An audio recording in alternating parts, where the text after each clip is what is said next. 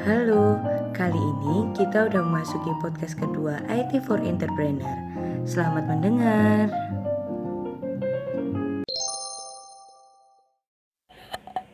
Saya Rima Nurkoviva, NIM 1118159. Perusahaan yang saya pilih yaitu Fisher Price dengan website fisherstripprice.com. Jadi perusahaan ini menggunakan IT itu untuk media penjualan dan pemasaran mereka. IT-nya itu biasanya uh, melalui e-commerce. Jadi penjualan dan pemasarannya itu melalui e-commerce. Mereka itu menggunakan e-commerce itu sejak uh, e-commerce itu memberi peluang yang besar untuk menghasilkan keuntungan yang lebih besar lagi. Jadi ketika mereka melihat peluang di e-commerce itu besar, mereka uh, ingin juga gitu produknya masuk di e-commerce. Karena e-commerce kan untuk saat ini dan beberapa tahun terakhir sangat uh, diminati oleh perusahaan-perusahaan besar maupun di kalangan masyarakat. Terima kasih.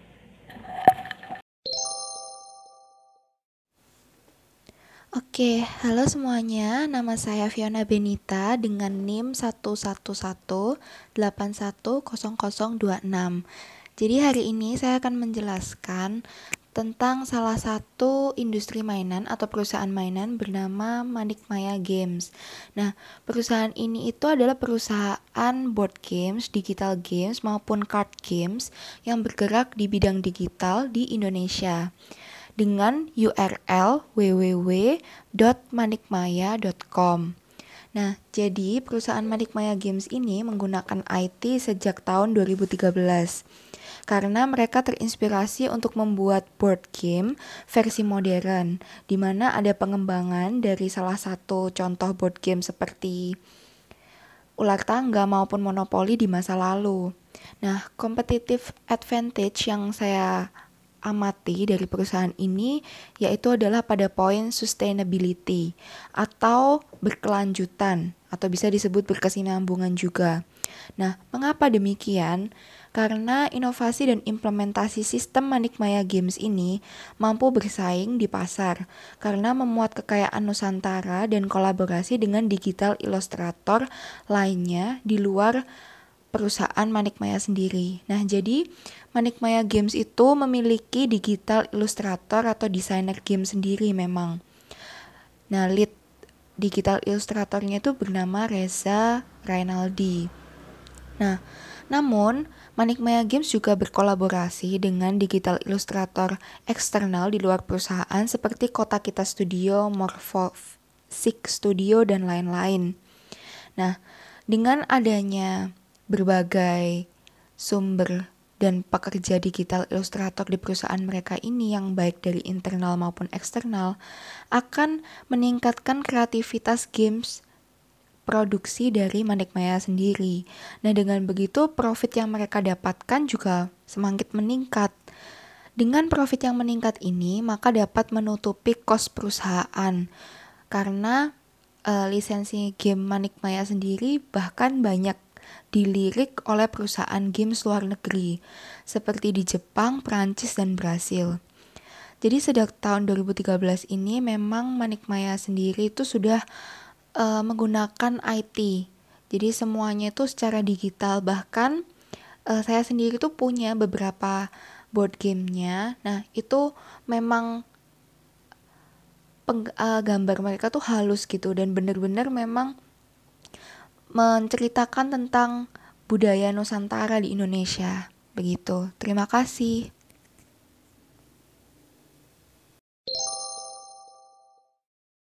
Oke, uh, jadi saya Evan Adina Kataryono dari Fembase.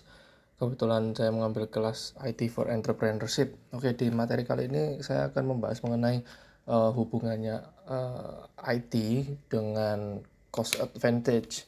Jadi dengan menggunakannya IT itu bakal mengurangi cost yang diperlukan oleh perusahaan. Nah, eh, kali ini saya akan mengambil perusahaan yaitu Tower Hobbies. Tower Hobbies adalah perusahaan pembuat mainan remote control dari pesawat remote control, mobil remote control dan lain sebagainya. Oke, uh, untuk linknya di internet yaitu adalah towerhobbies.com. Kemudian sejak kapan dia mulai memakai IT ya sejak dia buka karena ini adalah eh, masih baru ya hitungannya masih nggak terlalu lama atau Hobbies nih.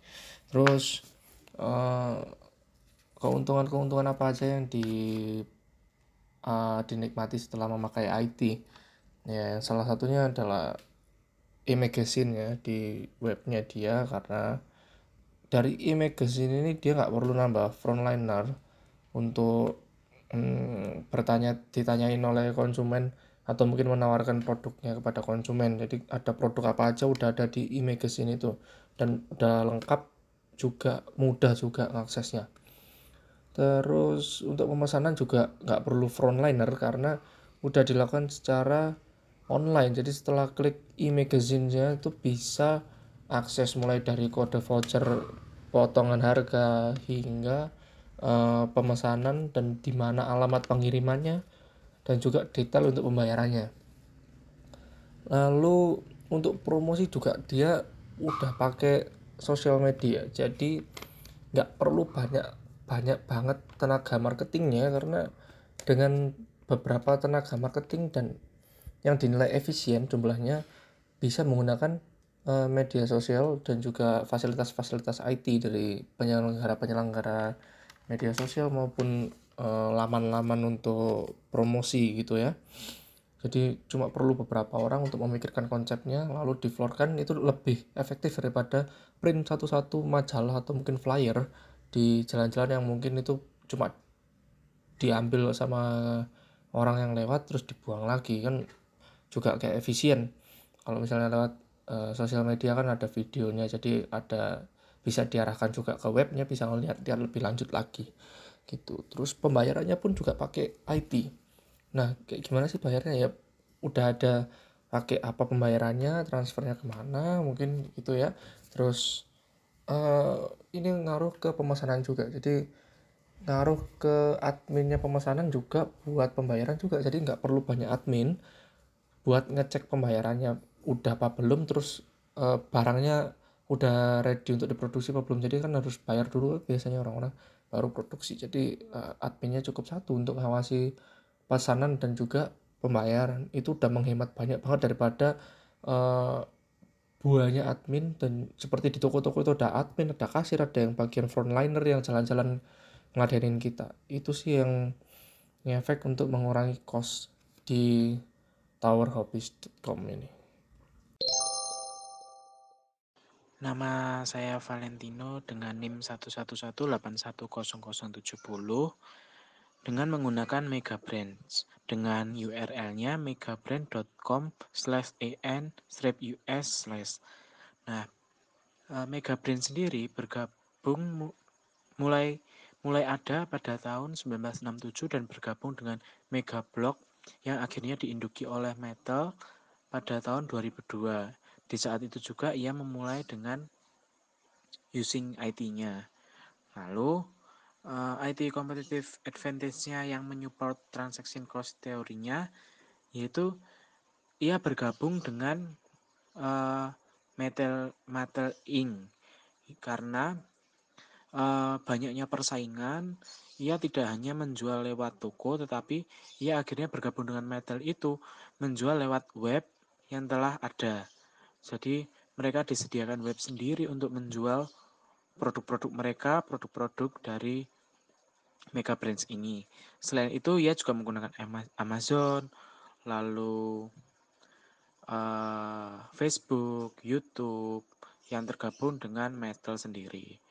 Nah, di situlah ia dapat mengurangi kinerja dari pegawai-pegawai mereka atau mengurangi pegawai mereka dengan menggabungkan beberapa penjualan dengan web ataupun uh, tempat jualan online lainnya yang telah disediakan metal maupun dia mendirikan sendiri atau bergabung dengan Amazon dan lain-lain.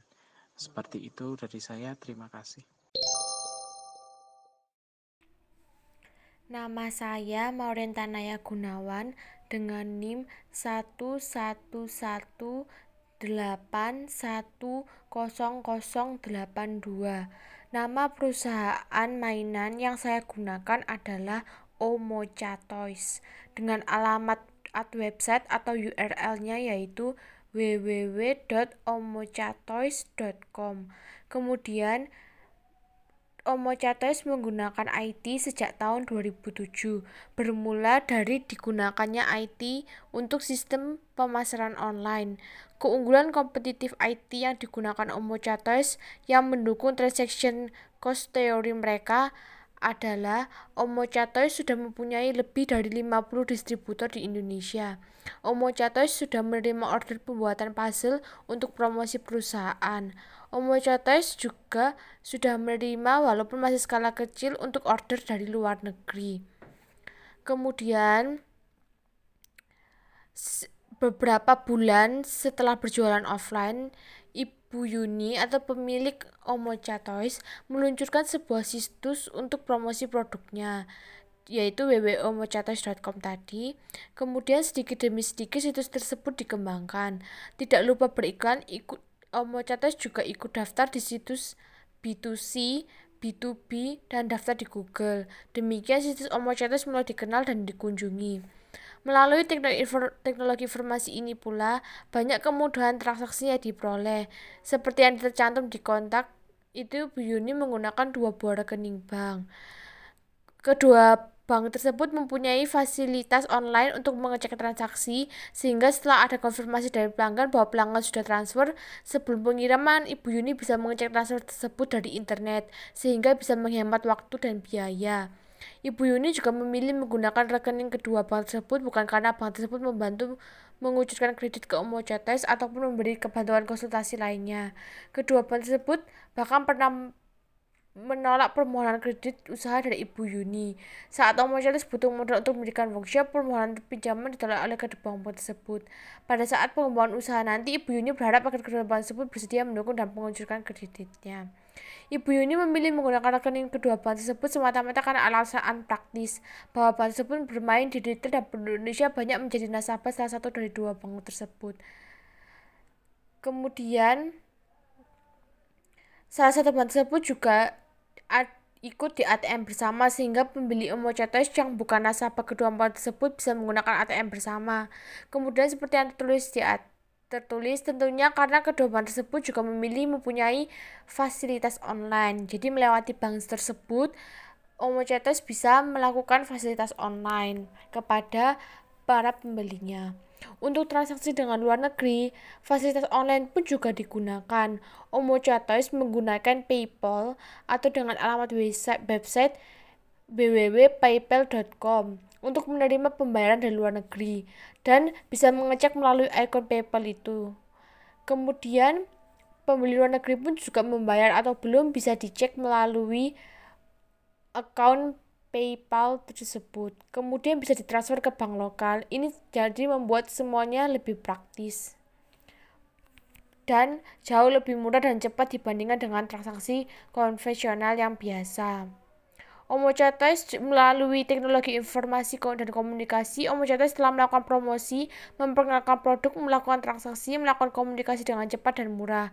Ke depannya Omochates akan menggunakan teknologi, teknologi informasi komunikasi untuk komunikasi online dengan workshop dengan meletakkan web kamera di workshop, distributor maupun pelanggan di luar negeri. Bisa melihat pembuatan pemesannya pembuatan pemesanannya secara real time.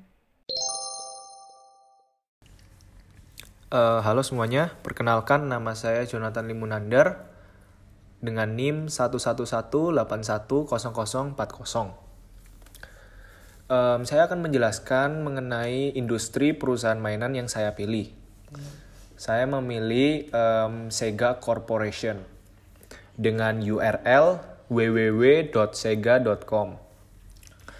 Uh, Sega Corporation adalah perusahaan pengembangan video game multinasional, perangkat lunak, dan perangkat keras, dan rumah produsen komputer dan konsol yang bermarkas di Ota, Tokyo, Jepang. Perusahaan ini um, lumayan sukses dengan baik dari konsolnya uh, dan berkonsentrasi pada pengembangan perangkat lunak. uh, sejarah singkatnya, um, Sega Corporation ini dimulai pada tahun 1977 dengan memulai um, meluaskan wawasan melalui home console dan pengembangan arcade. Penggunaan IT uh, pada Sega, Sega Corporation uh, menurut saya pada tahun 19, uh, 1985 karena di situ mereka mulai uh, mengembangkan yang namanya master system dan mereka berusaha untuk membuat arcade super developer. Secara resmi pada 1988, Fantasy Star diluncurkan sebagai master system. Mereka menggunakan IT dengan sangat baik untuk uh, membuat sebuah game konsol arcade itu menjadi lebih real dan lebih um, mudah untuk dimainkan. Oleh karena itu, IT-nya mereka di competitive advantage, um, saya memilih efisiensi. Karena um, IT yang digunakan bertujuan untuk membuat game tersebut lebih ringan, lebih canggih, lebih disukai juga, dan grafik yang bagus. Dan mereka juga bersaing dengan Nintendo dengan game 8-bit dan 16-bit. Dan kemudian pada tahun 1990 mereka juga menjadi saingannya Game Boy pada saat Game Boy diluncurkan. Terima kasih. Perkenalkan nama saya Nanda Rahmaning Ayu. NIM saya 111810051. Saya dari prodi manajemen dan mengambil konsentrasi family business. Jadi, ini saya akan menjelaskan mengenai competitive advantage dari perusahaan mainan yang ada di Amerika Serikat. Perusahaan ini bernama NECA. NECA ini merupakan singkatan dari National Entertainment Collectibles Association. Kemudian untuk URL-nya atau website resminya yakni http titik dua double slash www.necaonline.com NECA sendiri merupakan perusahaan ternama di Amerika yang memproduksi mainan yang didirikan sejak tahun 1996 Hillside, New Jersey di Amerika. Perusahaan ini merupakan suatu perusahaan yang memproduksi karakter yang biasanya berlisensi dari film, video game, musik, pop culture, dan television. Dan juga memiliki lebih dari 60 lisensi untuk memproduksi produknya. Perusahaan NECA sendiri mulai menggunakan IT sejak tahun 2020. Yang saya lihat pada website Internet Archive Wayback Machine, jadi saya mencoba melihat kapan uh, website dari perusahaan NECA ini yakni kira-kira antara bulan April sampai dengan bulan September tahun 2020 ini. Dan di dalam website resmi perusahaan ini terdapat beberapa informasi yang berhubungan dengan perusahaan tersebut. Kemudian yang berkenaan dengan lisensi, kemudian ada juga mengenai koleksi-koleksi mainan yang diproduksi oleh perusahaan tersebut. Kemudian juga ada berita yang berkenaan dengan perusahaan tersebut serta kontak yang bisa dihubungi di perusahaan tersebut, seperti customer service, kemudian yang berhubungan dengan sales department, kemudian press inquiries, kemudian wholesale, dan lain sebagainya. Pada tahun 2002, perusahaan NECA ini memproduksi action figure atau toko aksi dan juga boneka yang diproduksi untuk bisa menarik minat para penggemar mainan. Sebetulnya perusahaan ini sudah didirikan pada tahun 1996. Nah, di tahun 2002 ini eh, perusahaan tersebut memproduksi action figure dan toko aksi dan juga boneka dan pada tahun 2009 mereka mengumumkan telah mengakuisisi aset dari WizKids dari Tops untuk koleksi miniatur Click Games dan juga paket model games. Kemudian untuk IT Competitive Advantage dari perusahaan NECA yaitu perusahaan ini berupaya untuk sebisa mungkin menyediakan koleksi-koleksi mainan yang menarik dan inovatif dengan harga yang terjangkau. Dengan begitu, perusahaan ini juga membuka website resmi yang di dalamnya juga terdapat berbagai macam karakter yang disediakan bahkan diproduksi oleh perusahaan tersebut untuk bisa menarik minat para penggemar mainan, terutama untuk orang-orang yang suka mengkoleksi karakter-karakter yang ada di game misalnya, kemudian yang ada di film misalnya dan lain sebagainya. Dengan memanfaatkan IT tersebut atau website yang telah dibuat oleh perusahaan ini dapat memberikan banyak informasi untuk para penggemar mainan terutama untuk bisa melihat karakter apa saja yang diproduksi oleh perusahaan ini. Karena juga perusahaan ini merupakan salah satu perusahaan dari berbagai perusahaan yang ada di Amerika Serikat yang khususnya memproduksi mainan. Nah, perusahaan ini merupakan salah satu perusahaan yang cukup terkenal dan sudah tidak asing lagi di telinga para pecinta karakter. Kemudian untuk kualitas dari mainan ini sendiri cukup baik dan banyak apresiasi dari para pecinta karakter khususnya yaitu bahwasanya mainan ini memiliki detail yang cukup baik dan cukup bagus dibandingkan dengan produksi dari perusahaan-perusahaan lain. Dan ternyata setelah saya baca mengenai perusahaan ini, ternyata perusahaan ini tidak hanya memproduksi karakter mainan saja, tetapi juga seperti pop culture dan masih banyak yang lainnya. Kemudian di Neca ini juga memproduksi board game, kemudian statue, dan juga hiasan rumah seperti lampu, dan juga seperti bantal sofa. Mungkin itu yang bisa saya sampaikan mengenai perusahaan industri mainan NECA yang ada di Amerika Serikat beserta IT Competitive Advantage-nya. Apabila ada kesalahan, saya mohon maaf. Terima kasih. Nama perusahaan yang saya ambil adalah Nintendo dengan official site www.nintendo.com.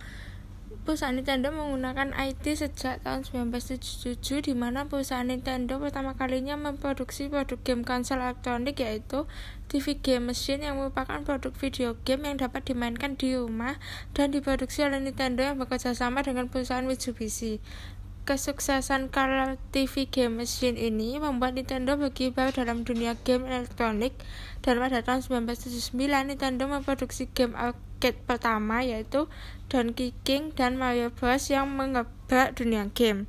Pada tahun 1980, Nintendo memproduksi Game Watch yang merupakan konsol handheld pertama Nintendo seperti tahap awal Nintendo dalam mengembangkan konsol handheld.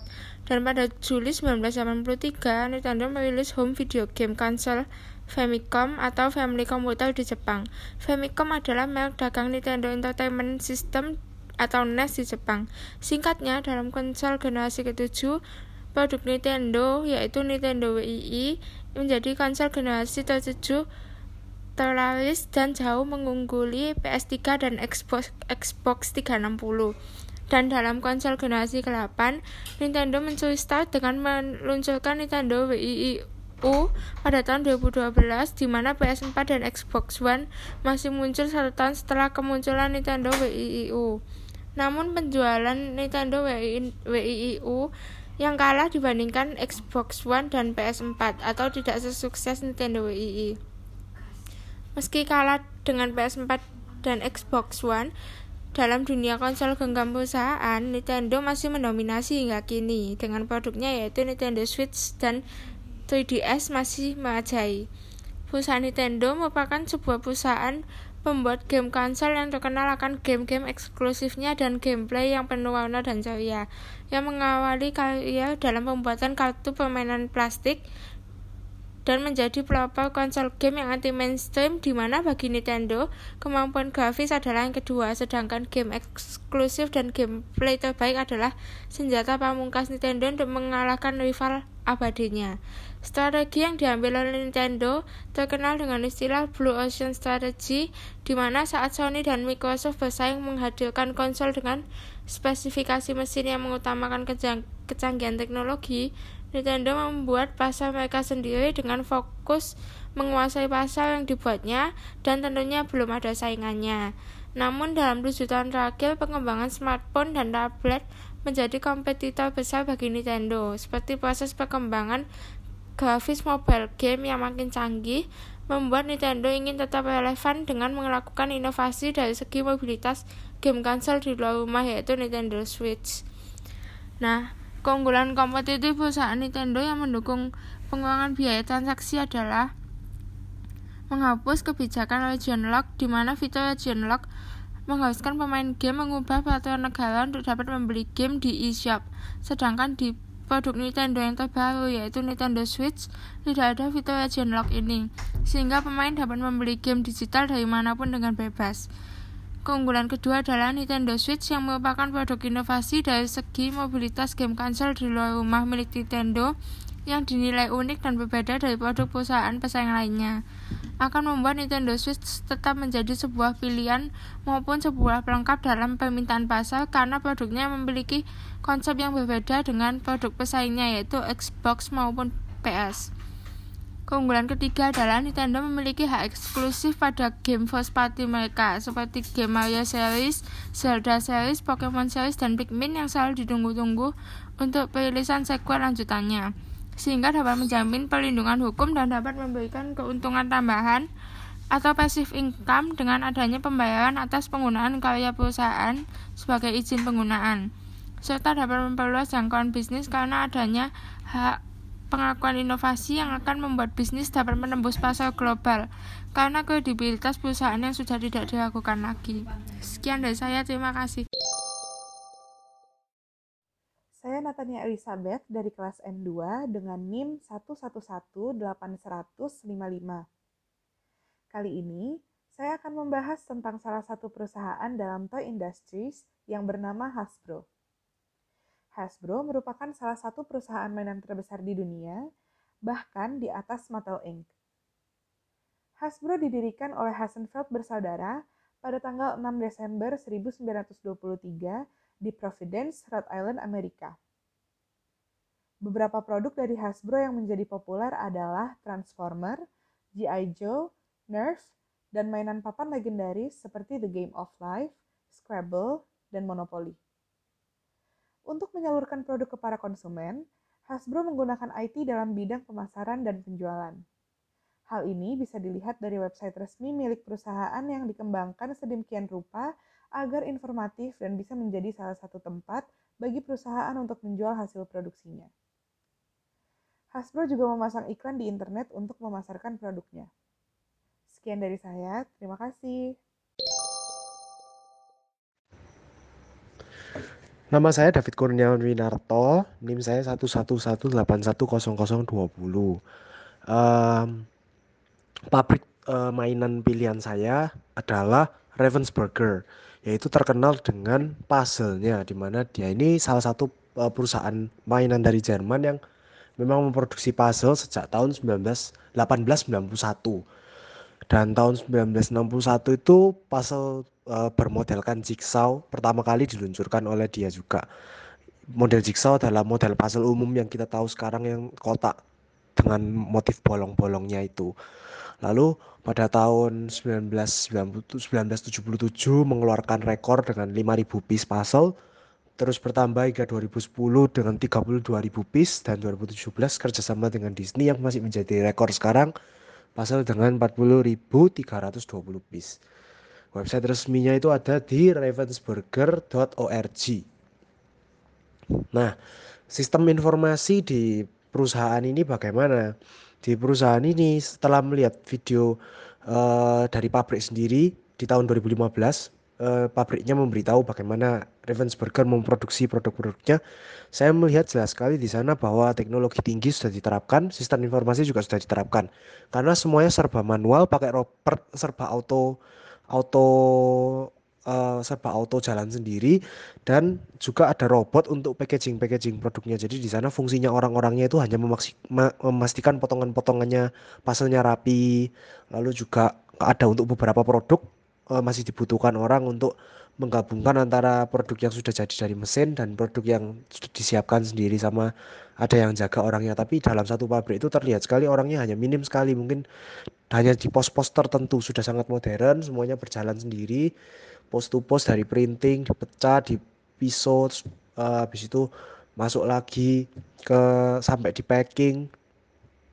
Dan sampai bahkan sampai siap dikirim ke gudang itu semuanya sudah robot. Seperti itu. Terus masuk gudang pun semuanya sudah di tracking di barcode dan sudah langsung di ada infonya ini gudang bagian mana raknya yang yang mana untuk jenis produk ini dan lain sebagainya. Jadi sudah sangat modern dan timnya di sana mas, terus berusaha mengoptimalisasi dan mengefisiensikan uh, produksi dari Ravensburger ini. Keren sekali. Terima kasih. Hasan Afrianto NIM 1118 untuk perusahaan yang saya ambil adalah Playmobil. Playmobil sendiri adalah mainan yang diproduksi oleh brand Starter Group yang berkantor pusat di Zirnodorf, Jerman. Mainan khas Playmobil adalah sesosok seorang setinggi 7,5 cm dengan wajah tersenyum.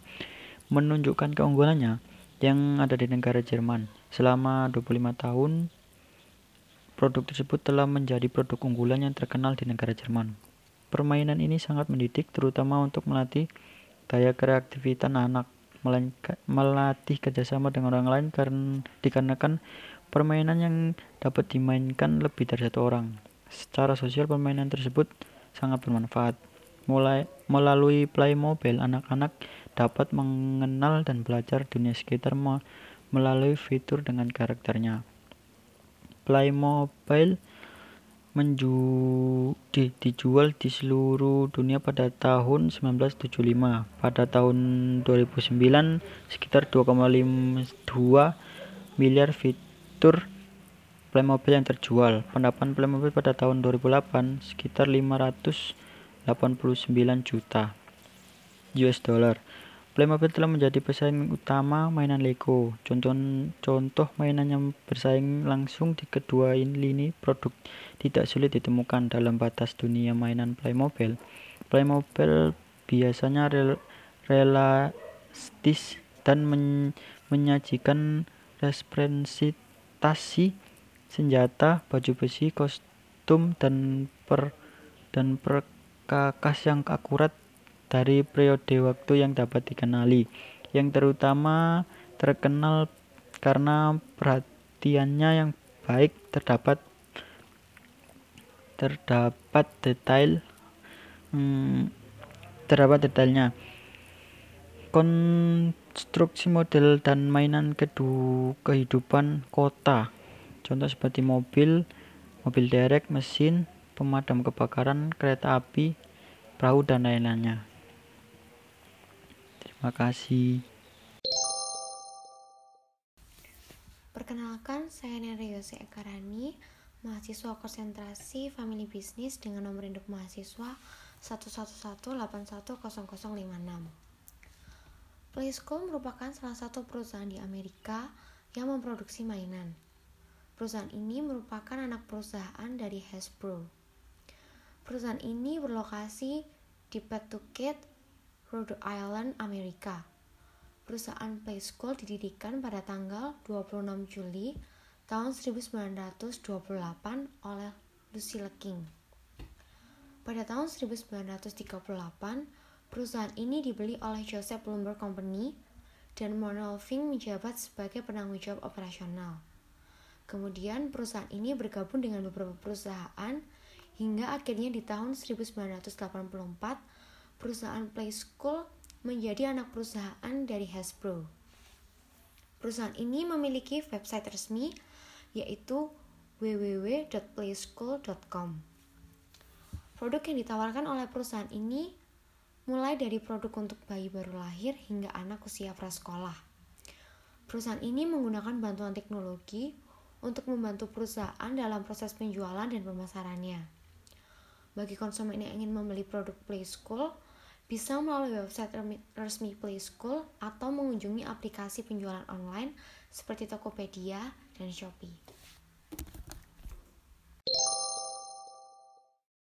Nama saya Gabriela Michelle Bintang Welmina, NIM 11181128, Prodi Family Business, URL lego.com. Di sini saya akan menjelaskan uh, mengenai toy industri yang bernama Lego. Jadi Lego awalnya didirikan pada tahun 1949 sampai sekarang. Yang awalnya Lego ini hanya berupa mainan kayu dan kemudian uh, setelah Perang Dunia Kedua plastik baru hadir di Denmark dan dari situlah Lego membeli satu set mesin cetak injeksi plastik pada tahun 1947 dan kemudian seiring perkembangan zaman uh, yang awalnya Lego ini hanya berupa seperti batu bata kecil gitu ya kota-kota kecil yang bisa disusun. Sekarang Lego sudah bisa uh, memproduksi uh, mainan berupa karakter gitu. Karakter yang dari Disney maupun permainan permainan-permainan yang lainnya. Kemudian uh, di sini semakin uh, majunya perkembangan zaman dan teknologi, uh, kita tidak hanya bisa atau bermain Lego secara fisik, namun kita juga bisa bermain Lego melalui website website yang mereka berikan gitu. Uh, mereka menyediakan permainan-permainan Lego secara virtual seperti itu.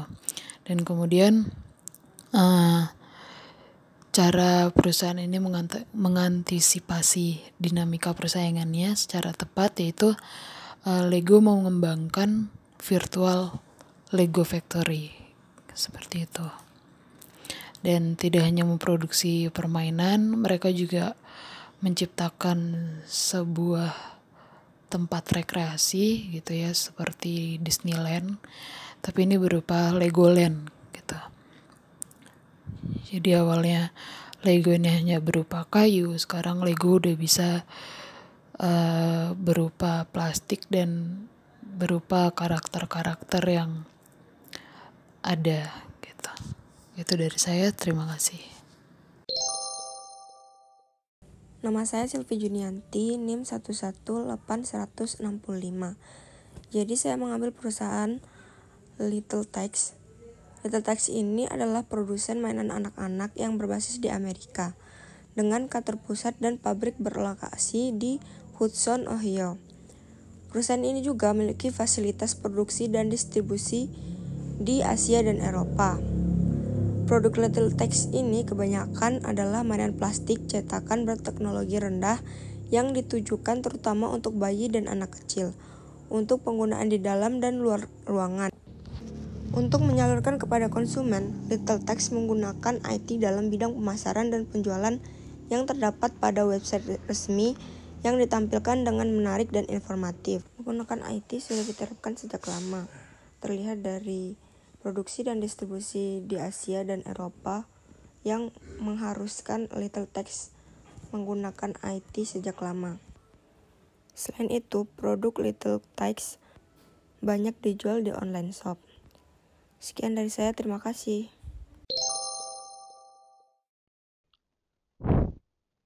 Saya Ferry Kurniawan, nomor NIM 111810024.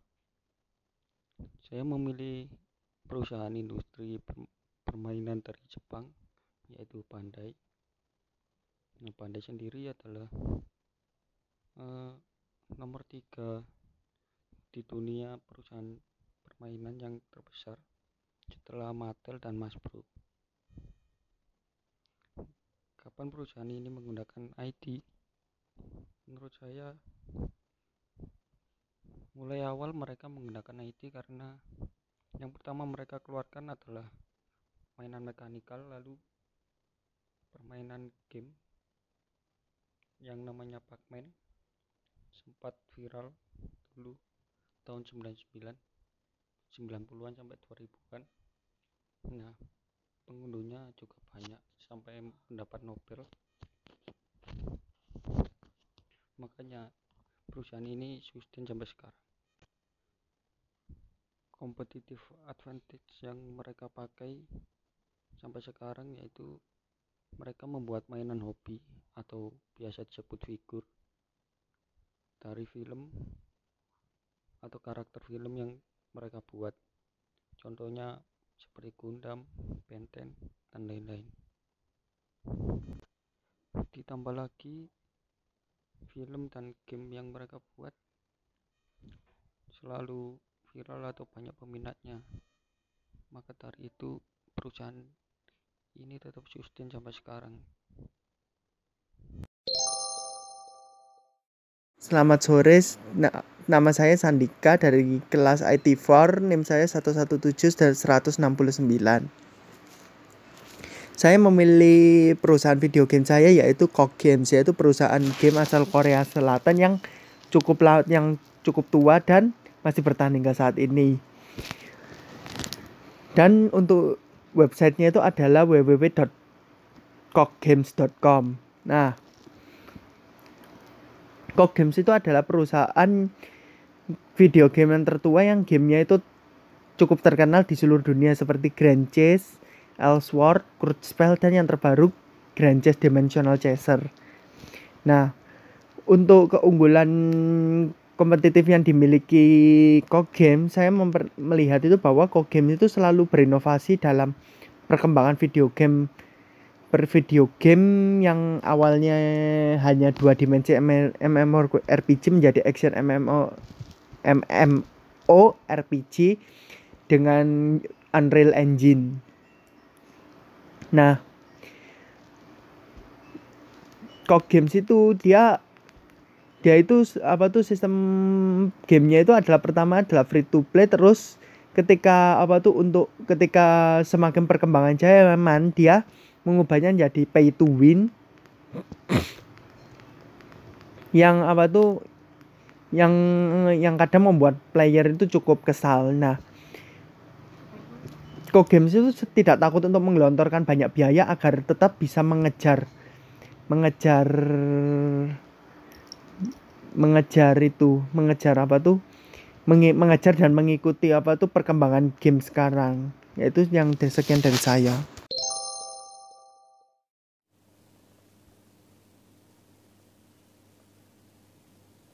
saya akan menganalisis keunggulan kompetitif menggunakan IT yang dilakukan oleh perusahaan mainan di satu perusahaan mainan di Jepang yang bernama Good Smile Company. Mereka memiliki website www.goodsmile.info. Mereka sendiri sudah menggunakan IT sejak bisa dibilang saat mereka pertama dibentuk pada tahun 2001. Tapi untuk penggunaan IT dalam memproduksi mainan atau figurin mereka memulainya pada tahun 2002. Keunggulan kompetitif yang mereka miliki dalam bidang IT adalah transparansi mereka dengan para konsumen pada sosial media dan hubungan mereka dengan perusahaan manufaktur figurin lainnya yang ada di Jepang. Transparansi tersebut meningkatkan reputasi mereka dalam perusahaan dan dengan menjalin kerjasama antar manufaktur dan kerjasama antar dengan para kreator anime, Good Smile Company mengurangi biaya produksi dengan membagi tahapan produk mereka dengan perusahaan kerjasama mereka. Untuk desain mereka tidak perlu melakukan banyak hal karena desain untuk setiap karakter figurin yang mereka rilis mereka dapat dari brand anime yang brand anime yang atau ada di pasar yang kemudian diproduksi figurinnya oleh Good Smile dan perusahaan kerjasama mereka. Terima kasih sudah mendengar. Sampai jumpa di lain kesempatan.